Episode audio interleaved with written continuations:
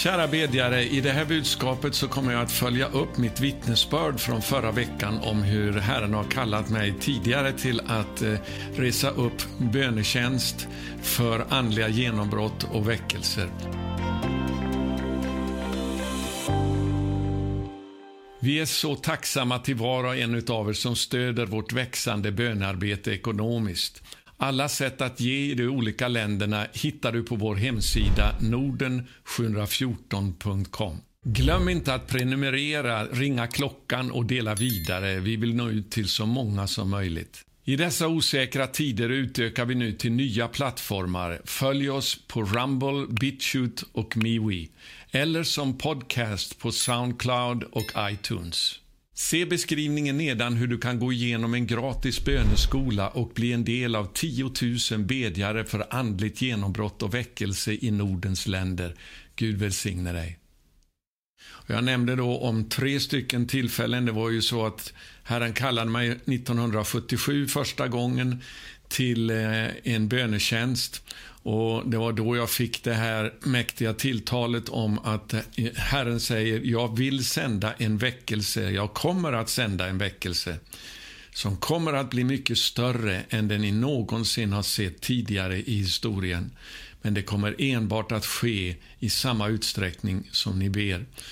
Och då befann jag mig i USA. Herren sa till mig att jag skulle åka tillbaka till Sverige och eh, leta rätt på människor som jag kunde börja be tillsammans med.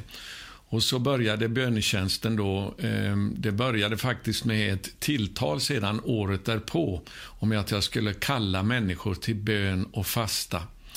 Eh, och så satte vi igång med en bönetjänst utifrån ett nedlagt soldathem vid Nya Varvet i Göteborg. Ehm, örlogshemmet som det kallades och ehm, det fortsatte sedan i ungefär tio år. Jag blev involverad också i Förberedare för Sverige. Så det där är ju en repetition av det jag sa förra veckan. Eh, och då nämnde jag också om att eh, efter några år, 1981, så sa Herren till mig att nästa år, alltså 1982, så kommer du att få se en början av det som jag visade dig när jag kallade dig till bön 1977. Och det här eh, sa Herren också, det skulle äga rum samtidigt som någonting hände i Israel, i Mellanöstern. Och Det var ett, en koppling som jag inte var medveten om då, men som Herren började att tala till mig om efter det. Och Det här andliga genombrottet det kom ju 1982 och det skedde så i detalj på det sätt som Herren hade visat mig. Eh, så det är omöjligt för mig faktiskt att tvivla på att det var Herren som sa det till mig. Men med facit i hand så kan man ju samtidigt konstatera att det blev inte riktigt så bra. Eh, det var en början, sa Herren, utav det som Herren eh, som han visade mig då när han kallade mig till bön 1977. Men vi har sannerligen inte fått se fullbordan än eh, utav löftet att jag kommer att sända en väckelse som blir större än den ni någonsin sett tidigare i historien. Och Det dröjde ju inte länge förrän eh, man upptäckte att det fanns rejäla brister i det som hände Eh, 1982. Visst var det så att eh, Ulf Ekman, som då började sin tjänst i Sverige med, och med Livets Ord, eh, de tog Sverige med storm.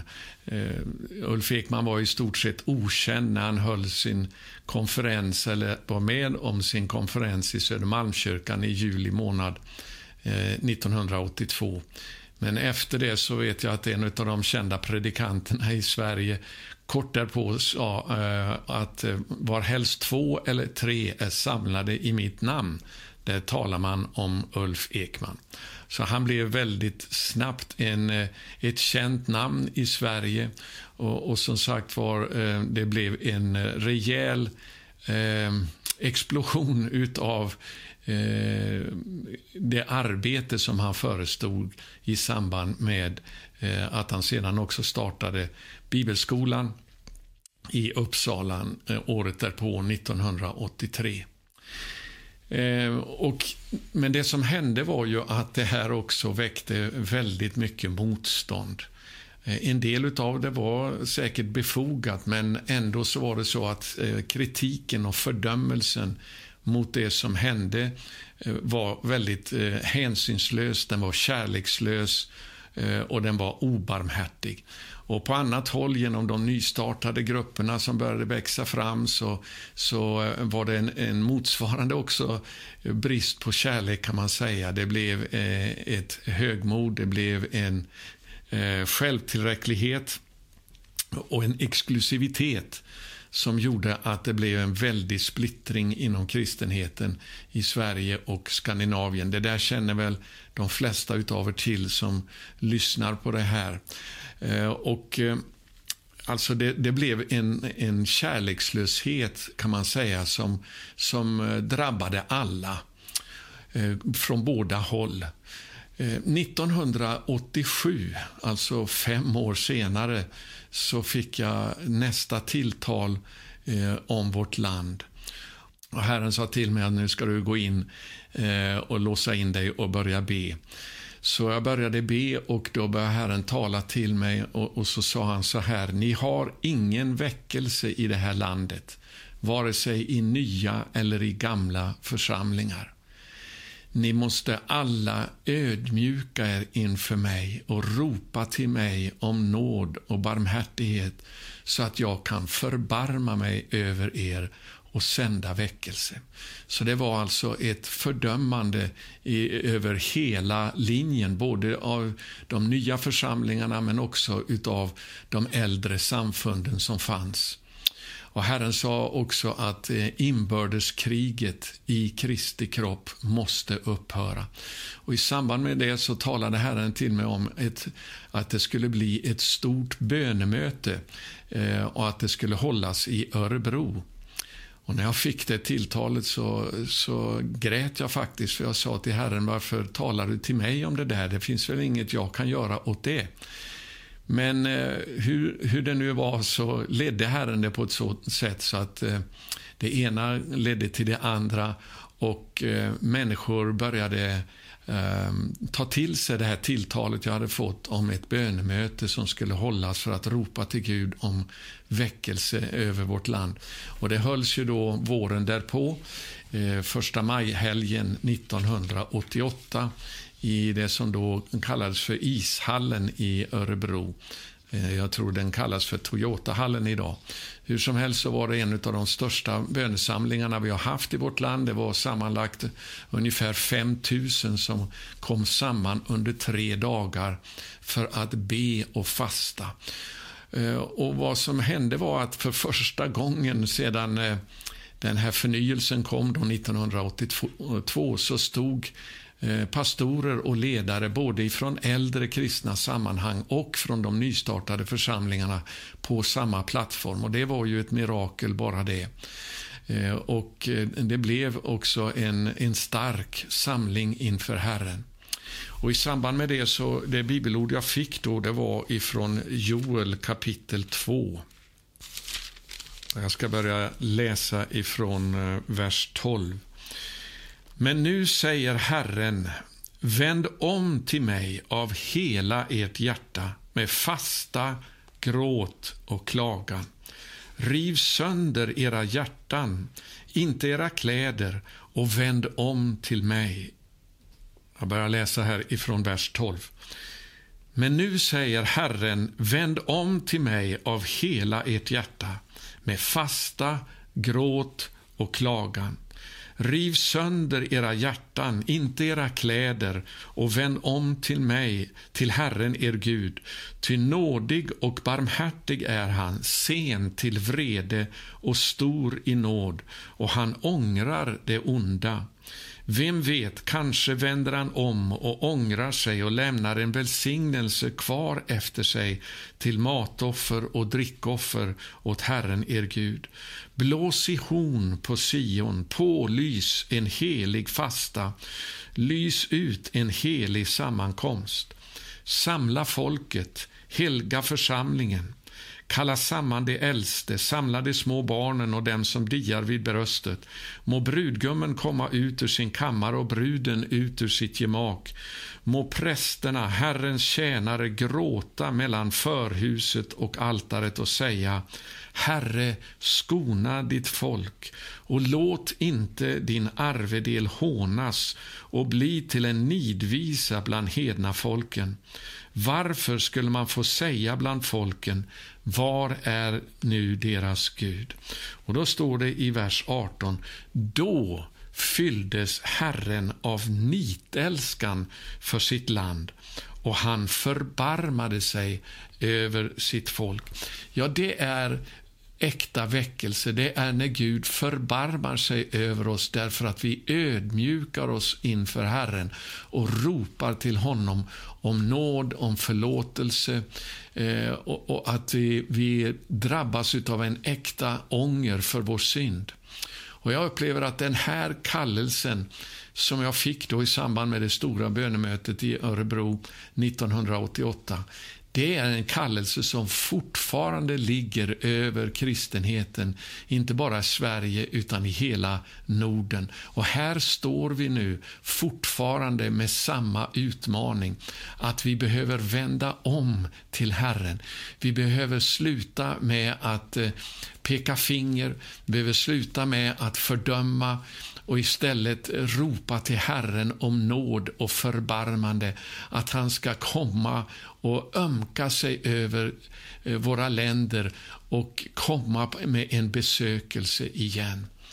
Och Det här kom sedan med ett, eh, en upp, ett, uppföljande, ett uppföljande tilltal eh, två och ett halvt år senare, ja, nästan tre år senare, i januari 1990 Eh, då Herren väckte mig mitt i natten och eh, jag visste inte riktigt vad det var som Herren skulle säga till mig, men jag, jag, visste att det var han som hade väckt mig och jag låg i stillheten inför Herren och så tog jag min bibel och slog upp den bara för att börja läsa, för jag tänkte jag kan åtminstone börja läsa i Guds ord. Och mina ögon föll direkt på en vers i um, i, i profeten Sefanjas bok, det tredje kapitlet och vers 12. Och där står det så här, eh, men jag ska lämna kvar i dig ett folk som är ödmjukt och svagt och det ska förtrösta på Herrens namn. Och när jag läste den där versen så tänkte jag, men det var märkligt. Eh, det här låter ju inte precis som någon, någon eh, stark, framgångsrik församling, att han ska lämna kvar ett folk som är ödmjukt och svagt. Och så började jag att eh, läsa det som stod tidigare här i Safanja. Och eh, jag märkte att det handlade om en Guds dom som skulle komma över folket. Och Speciellt så står det i det andra kapitlet någonting som jag fastnade för och ska läsa ifrån vers 1. Församla er, jag kom samman, du folk utan blygsel.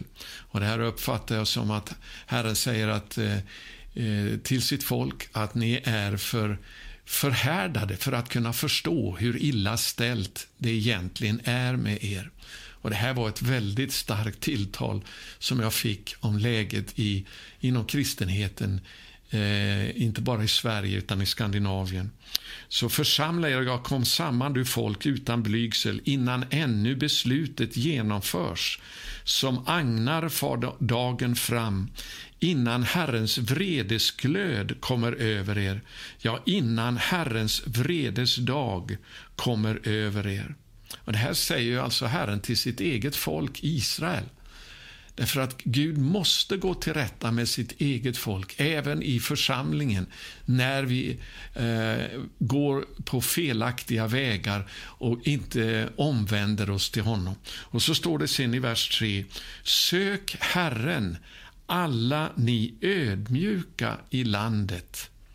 Så nu vänder han sig till de som då verkligen är ödmjuka och säger till dem att ni ska söka mig. Sök mig, alla ni ödmjuka i landet, ni som gör vad han befaller. Och Sen står det vad vi ska, ska söka. Vi som har eh, fortfarande ett eh, eh, samvete till att kunna förstå att allt inte står eh, till så som det borde göra. Eh, och att vi fortfarande kan känna att vi behöver omvända oss till Herren. Och Då står det sök rättfärdighet och sök ödmjukhet. Kan, kanske ni blir beskyddade på Herrens vredes dag. Och Det är då som det sedan står eh, vidare i det tredje kapitlet, den versen som jag läste. Alltså, jag ska lämna kvar i er Eh, när, jag, när, min dom har kommit över mitt folk så ska det finnas kvar en rest som är ödmjukt och svagt.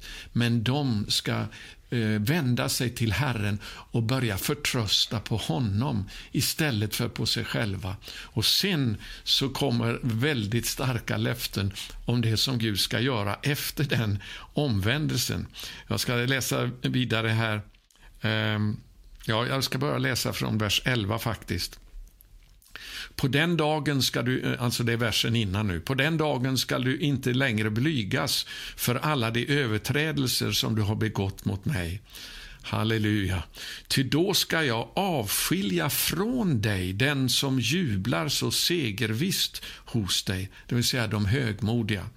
Eh, och du ska inte längre förhäva dig på mitt heliga berg att tyvärr så finns det så mycket av hårdhet och självhävdelse kvar hos oss eh, ibland Guds folk. Men Herren säger att, jag ska gå till, eh, att han ska gå till rätta med detta till dess att det inte finns någonting av den stoltheten kvar. Och så står det då i nästa vers, men jag ska lämna kvar i dig ett folk som är ödmjukt och svagt och det ska förtrösta på Herrens namn. Och då kommer Herren att börja göra saker. Vers 13. Kvarlevan av Israel ska inte längre göra orätt, inte tala lögn och i deras mun ska inte finnas en falsk tunga. Det ska finna föda och lägga sig ner utan att någon förskräcker dem. Jubla du dotter Sion, det är en bild på församlingen också här. Höj glädjerop du Israel, var glad och fröjda dig av hela ditt hjärta, du dotter Jerusalem. Herren har tagit bort straffdomarna från dig. Han har röjt din fiende ur vägen. Herren, Israels konung, bor i dig. Du ska inte längre frukta något ont. Ja, det här är ju fantastiska löften om vad Gud kommer att göra i Israel en dag. Men det är också andliga sanningar som har sin tillämpning på församlingen i, i den här tiden. Att Herren kommer att börja med domen på sitt eget hus.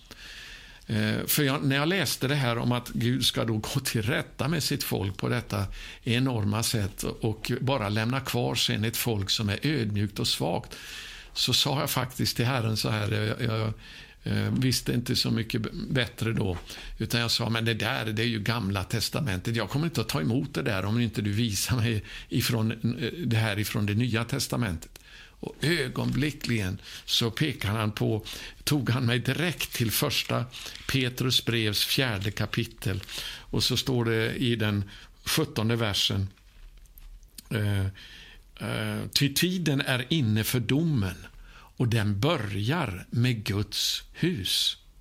Men om den börjar med oss, vad ska då slutet bli för dem som inte lyder Guds evangelium? Och lyssna här, om den rättfärdige med knapp nöd blir frälst. Alltså ingen segerstolthet här. Eh, det är ju som Paulus säger, den som står måste se till att han inte faller. För när vi litar på oss själva, precis som jag talade i ett annat budskap som Petrus gjorde innan han förnekade Jesus samma natt och sa att jag kommer aldrig att överge dig. Han var så säker på sig själv. Eh, men här så står det faktiskt att vi behöver ödmjuka oss därför att den rättfärdige kommer med knapp nöd att bli frälst.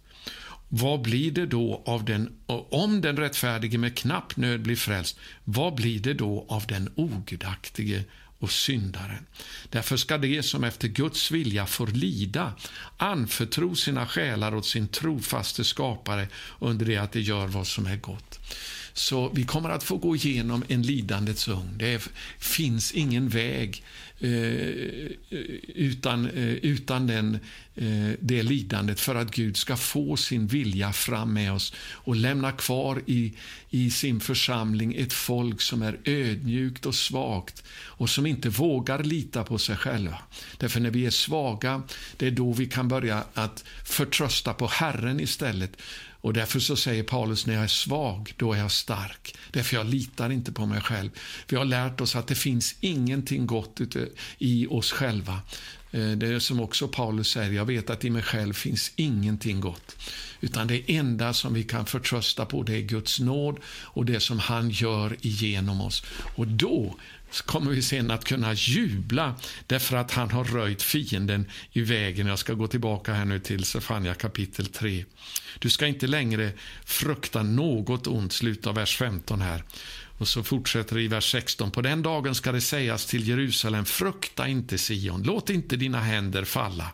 Herren din Gud bor i dig, en hjälte som frälsar. Han gläder sig över dig med lust, alltså när vi ödmjukar oss inför honom. Det är det som drar till sig Guds förbarmande, hans barmhärtighet, att han kommer till ett ödmjukt och svagt folk. Och då är han en hjälte som kan frälsa. Och Det är därför det står om den sista väckelsen i Uppenbarelsebokens sjunde kapitel, eh, om den stora eh, skaran som står inför Guds tron. De, de ropar med hög röst, står det där i Uppenbarelseboken 7 och 10 med, med palmblad i händerna i vita dräkter, rättfärdiggjorda genom Lammets blod. De ropar med hög röst, frälsningen tillhör vår Gud. Honom som sitter på tronen och Lammet. Det är bara han som kan ge frälsning. Och Han är en hjälte som kan frälsa.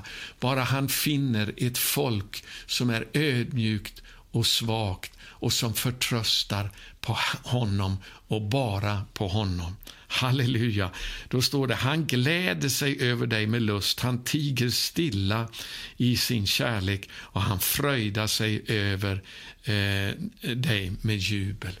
Ja, det ska bli jubel i det rättfärdigas hyddor, som det står också i Saltaren. Eh, när vi går in på Guds villkor.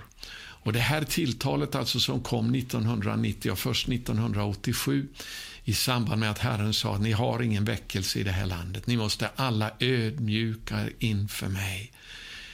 Det här inbördeskriget i Kristi kropp måste upphöra. Och ni måste ropa till mig, varenda en. Ni har ingen väckelse vare sig i nya eller gamla sammanhang. Det är likadant över hela linjen. Ni har blivit för stolta, för kärlekslösa, för hårda. Ödmjuka er under mig för att jag ska kunna förbarma mig över er och sända väckelse. Och där står vi fortfarande nu. Och jag läste ifrån Hosea kapitel 5 förra, eh, i förra veckans budskap och jag ska göra det igen här för det här är ett profetiskt ord som fortfarande vilar över oss här. Eh, ja, jag ska läsa faktiskt versen 14 där i det femte kapitlet också. Där Herren säger hur han kommer att vända sig mot sitt eget folk för att rensa ut alltså det som är högmodigt och det som är stolt. Ty jag ska vara som ett lejon mot Efraim, som ett ungt lejon mot Judahus. Jag själv river dem och går min väg, jag släpar bort dem och ingen kan rädda. Jag vill gå min väg, jag vill vända tillbaka till min boning.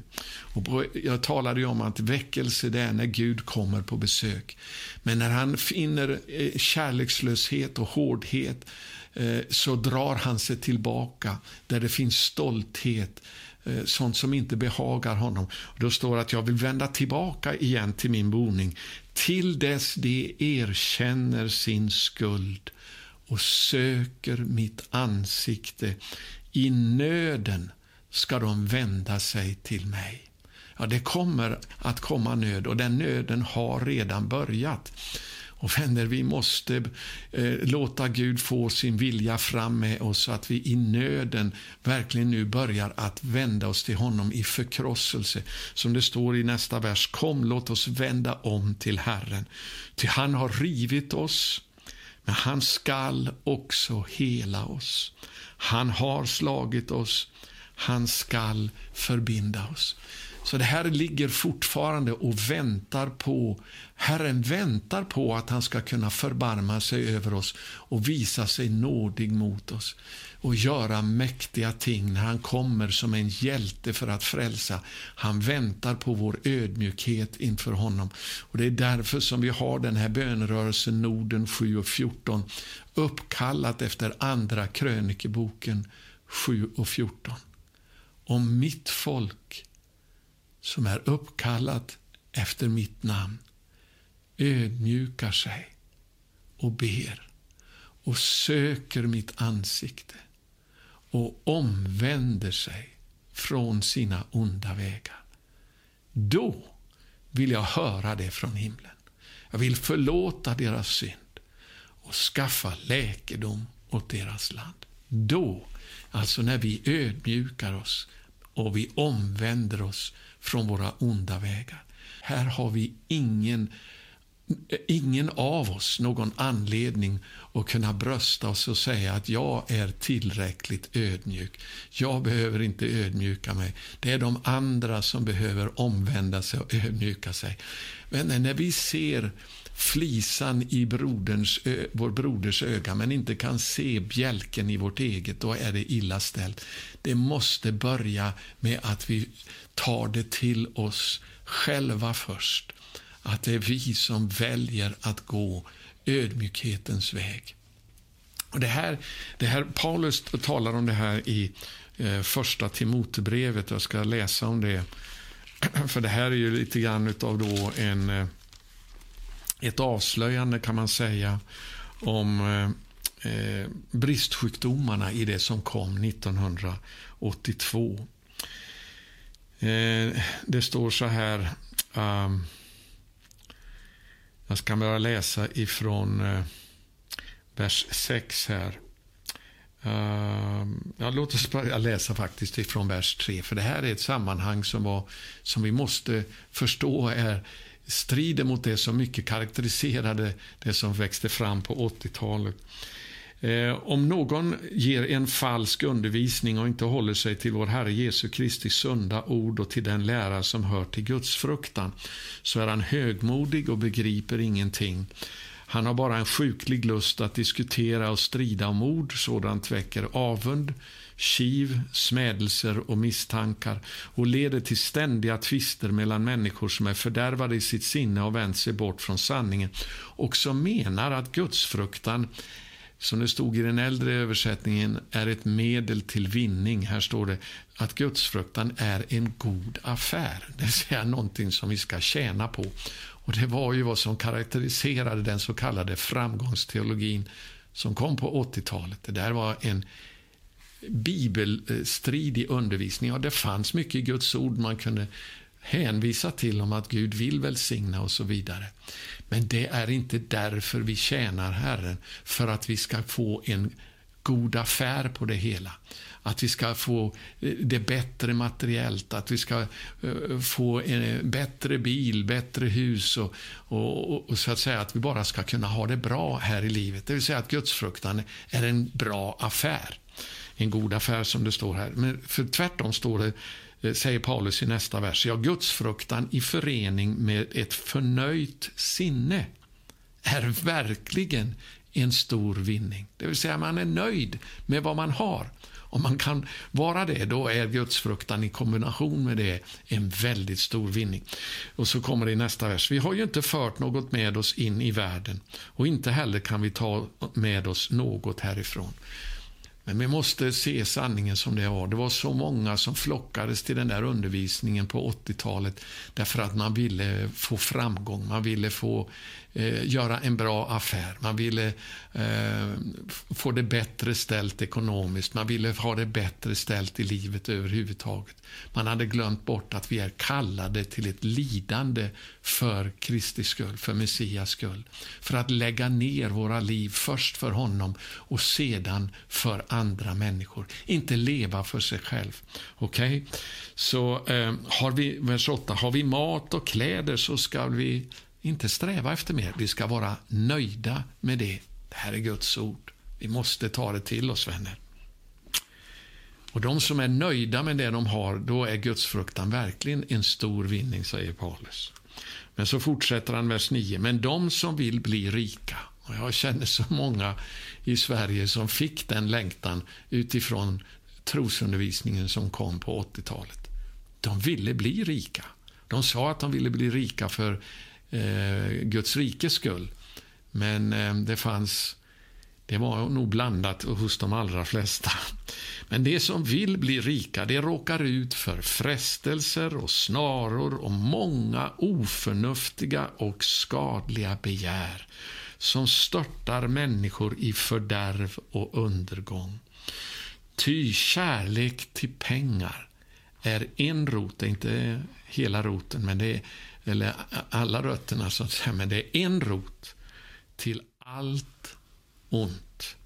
I sitt begär efter pengar har somliga kommit bort från tron och vållat sig själva mycket lidande. Men du, gudsman, håll dig borta från allt sådant. Håll dig borta från sådant. Och så står det vad vi ska sträva efter istället.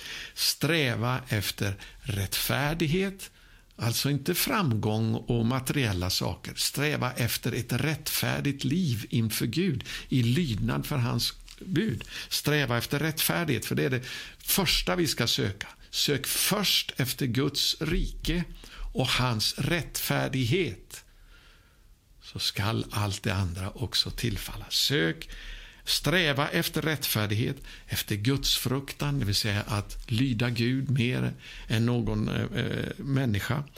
Efter tro, efter kärlek, efter uthållighet och så står det och ödmjukhet. Sträva efter ödmjukhet. Därför att Gud står emot de högmodiga, men de ödmjuka kommer han till med sin nåd, med sin kraft och med sin välsignelse. Därför ska vi sträva efter ödmjukhet. Nu är det så här att det här med ödmjukhet, det kan ju vara det finns falsk ödmjukhet, om jag säger så. Ödmjukhet får inte förväxlas med eh, feghet. De vänder sig Guds ord mot väldigt starkt. Alltså det står i Andra Timoteus första kapitel att Herren har inte gett oss eh, en ande som eh, Gud har inte gett oss en ande som gör oss modlösa eller, eller eh, ja, fega, utan en kraftens, kärlekens och självbehärskningens ande. Och likadant så står det i Uppenbarelseboken att det är de som är fega, de som inte vågar göra någonting, de som inte vågar stå upp för någonting, är de första som kommer att kastas i den brinnande sjön till och med före, eh, ja, vi ska läsa den listan faktiskt, det är, det är väldigt allvarligt. I Uppenbarelseboken 21 från vers 8. Men det fega, det otroende och det skändliga, mördarna, de otuktiga, trollkarlarna, avgudadyrkarna och alla lögnare ska få sin del i sjön som brinner av eld och svavel. Detta är den andra döden. Här är ju en fruktansvärd lista alltså utav mördare, otuktiga, skändliga, trollkarlar och avgudadyrkare. Men först i listan så står feghet. Så ödmjukhet, alltså feghet, det är inte ödmjukhet. Ödmjukhet, eh, ja, vi ska titta på några på några bibelställen om det här. Alltså, ödmjukhet är ju att vara som vår mästare, Herren Jeshua, Jesus Kristus själv. Eh, och det är, I Matteus kapitel 11 så säger Herren så här eh, i, vers 29. Ta på er mitt ok. Det vill säga att inte vi gör precis vad vi vill. Ett ok är ju någonting som, som begränsar vår, vår frihet. Men det oket är det som ger verklig frihet. Det är inte vår frihet, men det är en förmåga att kunna göra det som Gud vill. Ta på er mitt ok och lär av mig, ty jag är mild och ödmjuk i hjärtat. Så ska ni, då ska ni finna ro för era själar. Så det främsta exemplet vi har på ödmjukhet det är ju Herren Jesus själv. Och Jag ska läsa om det här i Filipperbrevets andra kapitel. Där det står så här um, ifrån vers 3. Ja, vi kan läsa från vers 1. Om ni nu har tröst hos Messias, uppmuntran av hans kärlek och gemenskap i anden om medkänsla och barmhärtighet betyder någonting, ja det här är ju, det är ju fantastiska saker att få, få jag på säga, bli utsatt för medkänsla och barmhärtighet. Det är väl det underbaraste vi kan tänka oss och därför så ska vi också vara noggranna med att ge medkänsla och barmhärtighet. Så Paulus säger om det här verkligen betyder någonting. Gör då min glädje fullkomlig genom att ha samma sinne och samma kärlek genom att vara ett i själ och sinne. Var inte självupptagna och stolta. Var istället ödmjuka och sätt andra högre än er själva. Det här är Guds ord. Det är inte mänskligt, höll jag på att säga, att göra på det sättet. Det är Kristuslikt. Det är gudfruktigt att sätta andra högre än sig själva än oss själva. Och så står det i nästa vers, se inte på ert eget bästa, utan tänk på andras. Det är sann ödmjukhet, att sätta andra före sig själv. Att inte söka sitt eget bästa, utan tänka på det som är bäst för andra. Att bli allas tjänare. Störst är den som tjänar. Eh, säger Jesus till lärjungarna. Vi ska inte vara som de som försöker att styra över andra, utan istället lägga ner våra liv för varandra, precis som han la ner sitt liv för oss. Och tänka på det som är bäst för andra människor. Först. Inte tänka först på det som är bäst för oss själva. Ja, om vi om vi inte gör på det sättet, så då säger Paulus i första Korinthierbrevet, då är vi precis som alla andra människor. Vad är det för skillnad på oss och andra? De kommer att känna igen oss på att vi är Jesu lärjungar om vi har den här kärleken till varandra som han har visat oss. Det här är en skola som vi får gå i hela livet, men det är den här ödmjukheten som vi behöver sträva efter och söka i våra liv. Att inte sätta oss själva först, utan andra. Och så står det då i nästa vers, vers 5. Var så till sinnes som Kristus Jesus var. Fastän han var till i Guds gestalt räknade han inte tillvaron som Gud som segerbyte, utan utgav sig själv genom att anta en tjänares gestalt då han blev en människa. Han som till det yttre var som en människa ödmjukade sig och blev lydig ända till döden. Ja, döden på korset. Så det är det, alltså det första som karaktäriserar sann ödmjukhet är att man sätter andra för, före sig själv. Man offrar sitt liv för andras skull istället för att tänka på egen bekvämlighet. Och det andra som, vi, eh, som Paulus tar fram här, det är att man är lydig Gud. Att man lyder Gud mer än någonting annat. Man sätter Gud först genom att lyda honom. Det är sann ödmjukhet. Vi ska titta också på en annan text som lyfter fram det här med ödmjukhet som Gud är ute efter. Därför att när den här ödmjukheten finns hos oss, det är då som han kan komma med sin nåd, med sin barmhärtighet, med sitt förbarmande och komma med en äkta väckelse. Jag ska läsa från Lukas kapitel 6 och från vers 27. Men till er som lyssnar säger jag, säger jag Ja, det är viktigt att lägga märke till vad Jesus säger här. Alltså. Till er som nu lyssnar. och verkligen vill höra vad jag säger. Det är så lätt att vi slår dövörat till för sånt som vi inte vill höra. För här kommer det lite tuffa saker nu som Herren säger, om vi vill bli lik honom. Till er som lyssnar säger jag, älska era fiender. Det där kan vi stava på hela livet utan att lära oss fullt ut.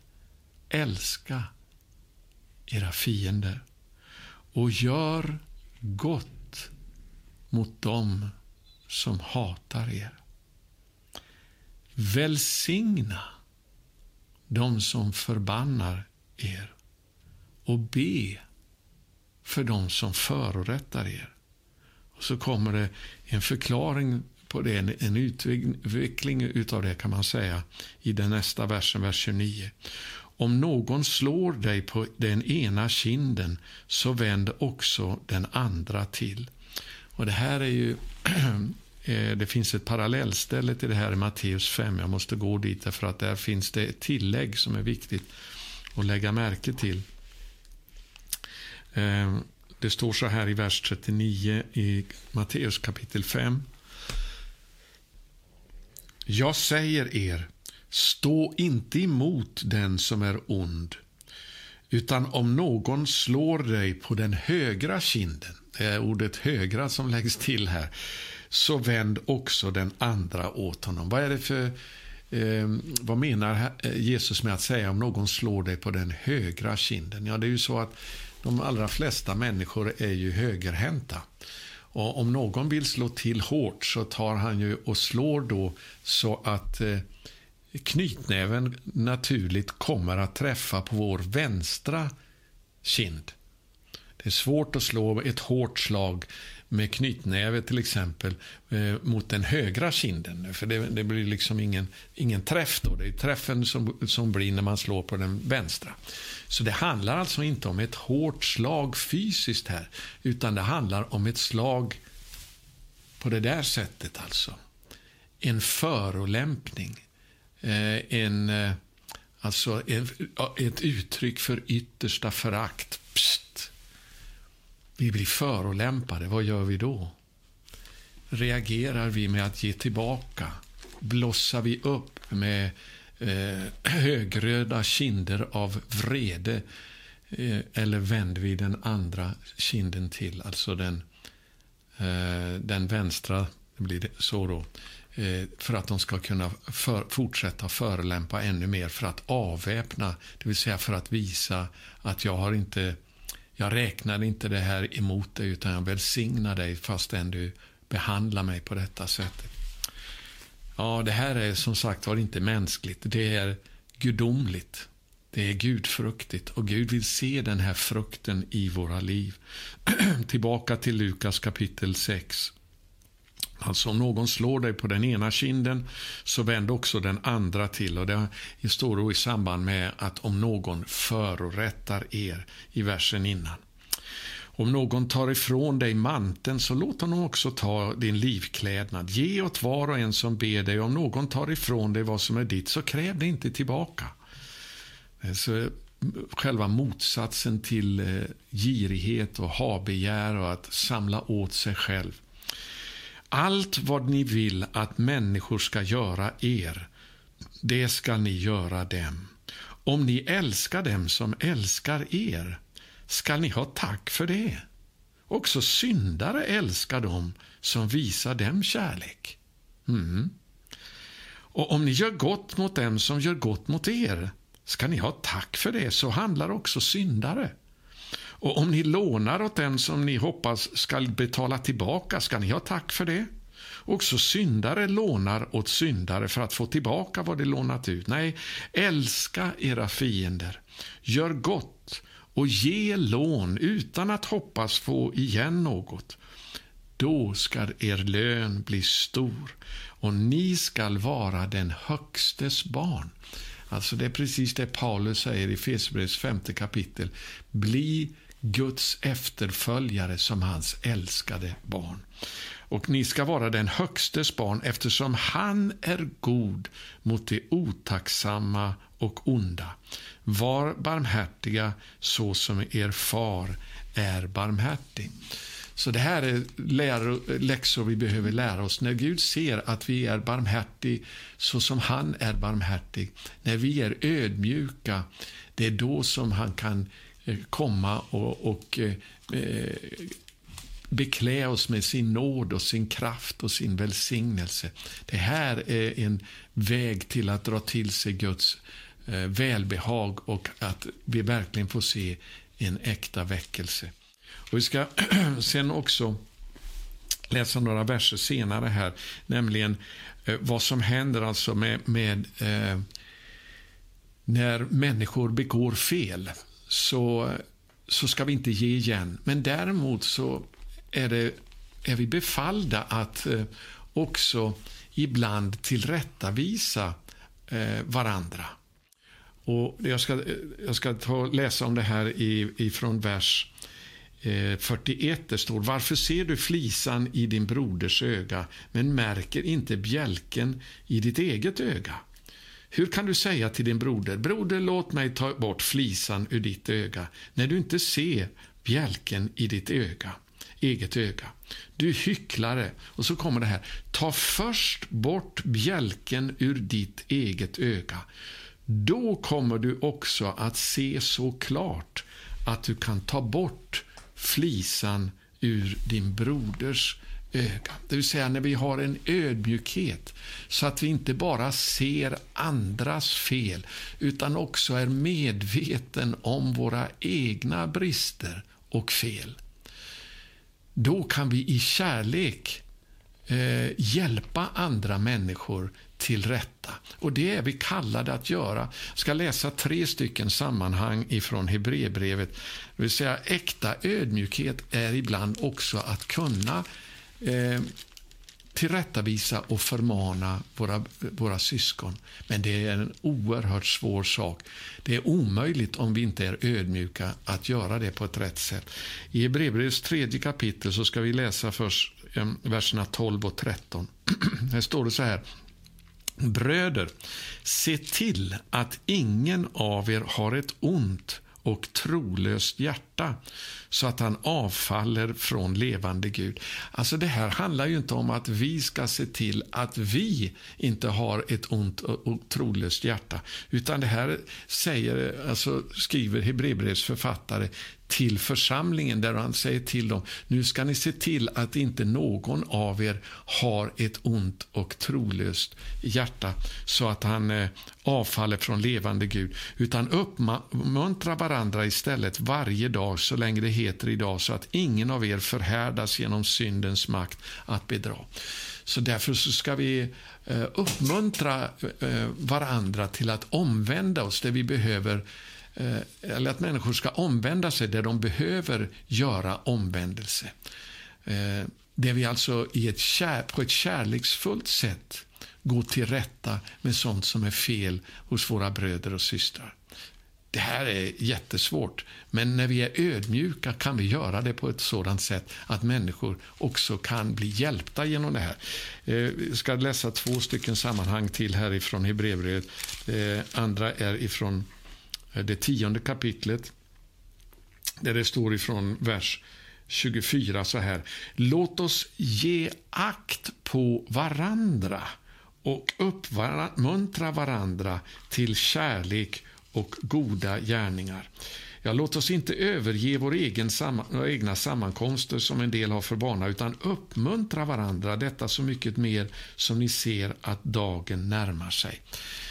Eh, här talas det om uppmuntran och det är meningen att förmaning ska ges med en uppmuntran till att ställa till rätta sånt som är fel så att det inte finns ett ont och trolöst eh, hjärta hos någon. Och I det tolfte kapitlet så framgår det här lite tydligare där det står i vers 15.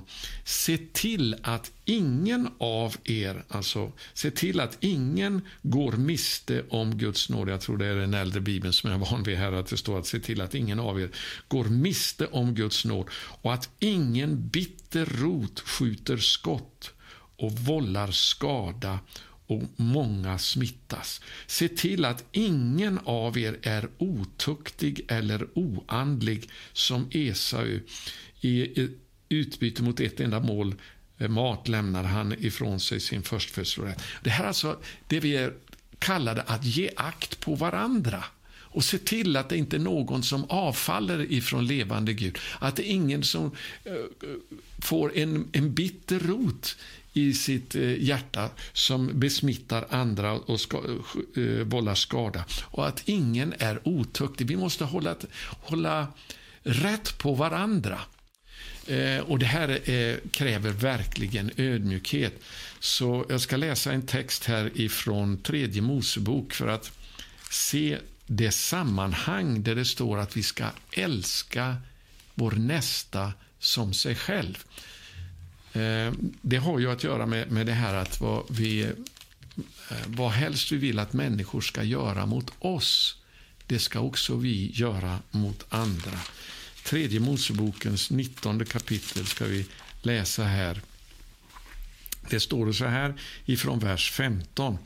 Du ska inte handla orätt när du dömer. Det vill säga, vi är kallade att döma över sånt som är rätt och fel och säga ifrån. Det där är inte rätt. Inte för att fördöma, men för att hjälpa människor att komma undan fiendens snaror. Eh, så du ska inte handla orätt när du dömer. Du ska inte hålla med någon för att han är fattig och du ska inte vara partisk för den som har makt. Du ska döma din nästa med rättvisa. Och Det här är ju de två dikena vi kan hamna i. Det är att vi, vi tar parti för någon som är Ehm, alltså en underdog så att säga i, i samhället, någon som inte har det så väl beställt. Det står här, du, du ska inte hålla med någon bara för att han är fattig. Men du ska inte heller vara partisk för den som har makt, det vill säga den som verkligen har inflytande. Du ska inte bara ställa dig på hans sida heller. Utan du måste vara rättvis utan anseende till personen. Rätt är rätt, fel är fel. Oavsett om det är fattig eller rik. Så um, du ska döma med rättvisa. Och så står det sen i vers 16, alltså det här är sammanhanget det som sen mynnar ut i du ska älska din nästa som dig själv. Du ska inte gå med förtal bland ditt folk. Och låt mig säga förtal, det är det säkraste indikationen, skulle jag vilja säga, på att det saknas ödmjukhet. En ödmjuk människa skyr förtal. En ödmjuk människa hatar förtal. Eh, därför det är så destruktivt. Och här jämförs faktiskt förtal med en form av mord. Och Det här som är så otroligt vanligt även ibland kristna. Så det här måste rensas ut om vi ska kunna få se Guds välbehag och hans eh, kraft komma över oss och äkta väckelse. Så du ska inte gå med förtal med bland ditt folk, du ska inte stå efter din nästas blod, jag är Herren. Det är alltså använt synonymt. Att gå med förtal är att stå efter sin nästas blod. Det räknas som en form av mord. Det kallas eh, också i vårt eh, eh språkbruk för karaktärsmord när man förtalar någon offentligt.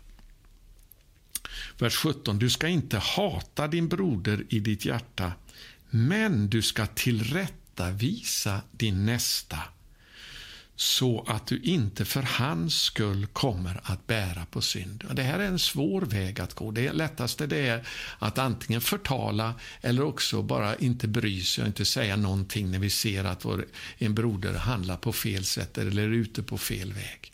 Nej, du ska inte hata honom för det, men du ska tillrättavisa honom. Och Det är alltså inget negativt, det betyder att visa till rätta. Att eh, det är en form av uppmuntran, alltså att visa in någon människa på rätt väg.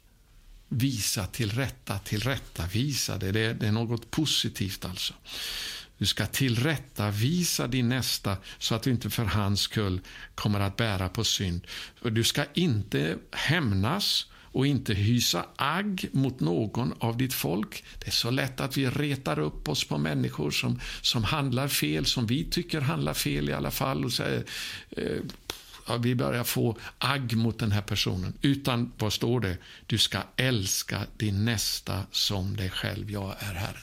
Allt det här är insatt i ett sammanhang av att döma rätt och att tillrättavisa andra. Det ska vi göra på det sättet att vi älskar vår nästa som oss själva. Det vill säga på det sätt vi skulle vilja att någon går till rätta med oss när vi har gjort något fel. Så ska vi gå till rätta med andra.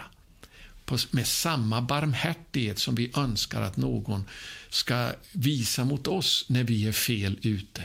Samma barmhärtighet ska vi visa när, no, när vi ser någon begå fel. Eh, Paulus tar upp det här i Galaterbrevet också. Jag ska läsa det i det sjätte kapitlet här. Eh, där det står så här att eh, Bröder, ifrån vers 1 i Galaterbrevet 6. Om ni kommer på någon med att begå en överträdelse, då ska ni, ni som är andliga människor i mildhet upprätta en sådan. Men se till att inte också du blir frestad. Jag ska läsa det igen. Bröder, om ni kommer på någon med att begå en överträdelse, så ska ni inte gå och berätta det för andra eller offentligt börja att eh, peka ut någon för, för deras fel. Utan då ska ni som är andliga människor i mildhet upprätta en sådan. Men se till att inte också du blir frestad. Så på samma sätt som vi vill att människor ska behandla oss om vi har gjort något fel, så ska vi också behandla andra när de har begått något fel. Om vi då gör det med eh, mildhet och barmhärtighet så kan vi hjälpa varandra. Och Det är en välsignelse. Men gör vi det med hårdhet och fördömanden så leder det ju bara till eh, ett större, att det blir ännu värre.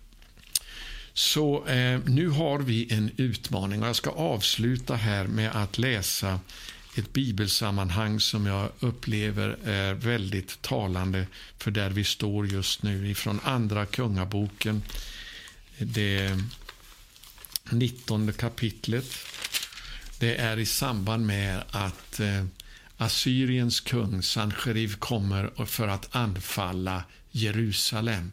Och Han börjar att eh, hota, och inte bara hota, utan också att eh, ja, eh, skapa fruktan och modlöshet ibland befolkningen och säga att ni, det är lika bra att ni ger er nu, eh, därför ni kan inte strida mot mig och så vidare.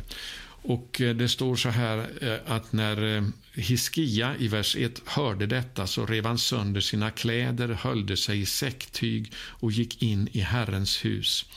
Och han sände överhovmästaren Eliakim och skrivnaren Shebna och de äldsta bland prästerna höljda i säcktyg till profeten Jesaja, Amos son. Och här kommer det nu det jag vill säga är ett ord till oss idag i Nordens länder. Det sa till honom, så säger Hiskia, de säger alltså nu till Jesaja här. Denna dag är en nödens, bestraffningens och föraktets dag.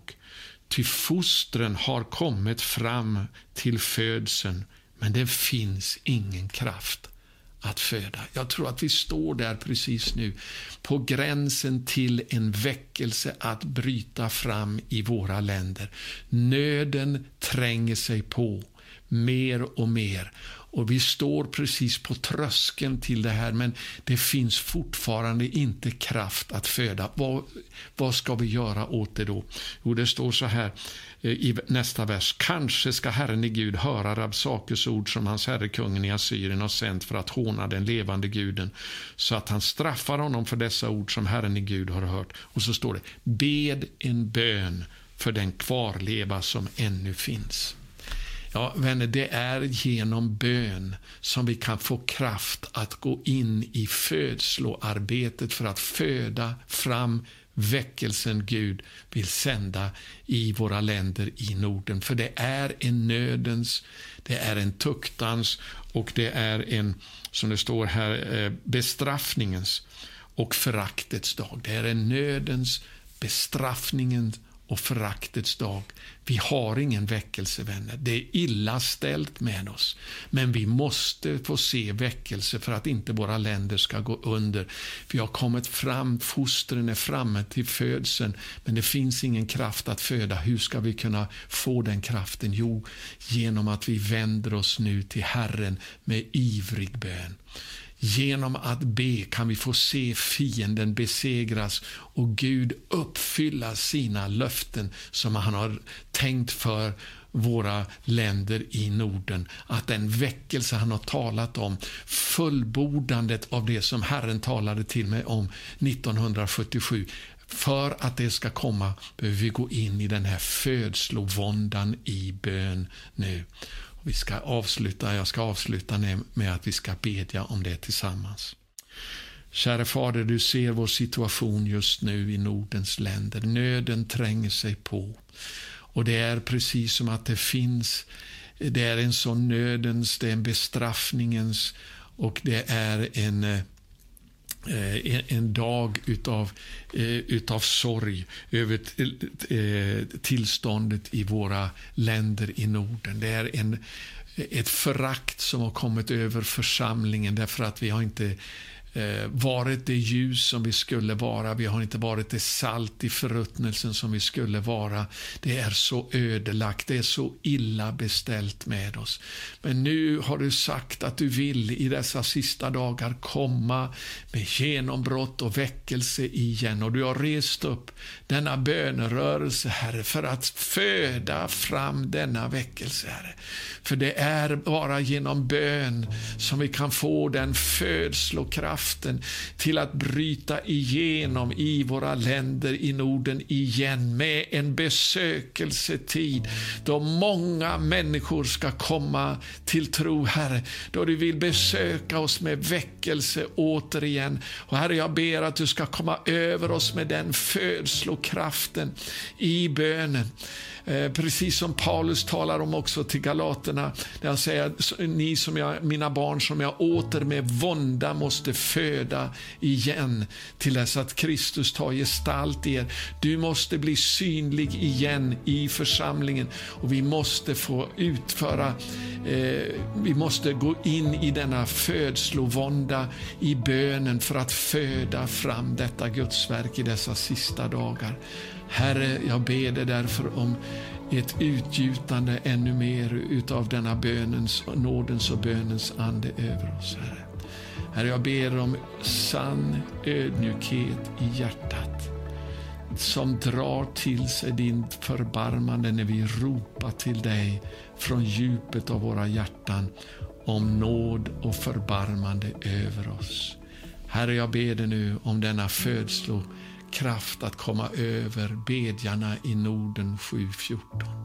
Med gråt, med fasta, med tårar till dess att du förbarmar dig över oss igen. I Jeshua Jesu välsignade namn ber jag.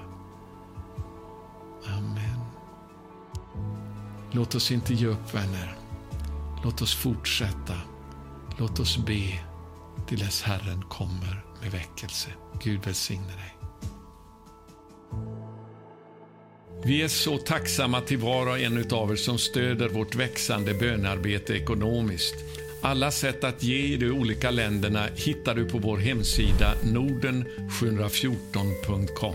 Glöm inte att prenumerera, ringa klockan och dela vidare. Vi vill nå ut till så många som möjligt. I dessa osäkra tider utökar vi nu till nya plattformar. Följ oss på Rumble, BitChute och MeWe eller som podcast på Soundcloud och iTunes. Se beskrivningen nedan hur du kan gå igenom en gratis böneskola och bli en del av 10 000 bedjare för andligt genombrott och väckelse i Nordens länder. Gud välsigne dig.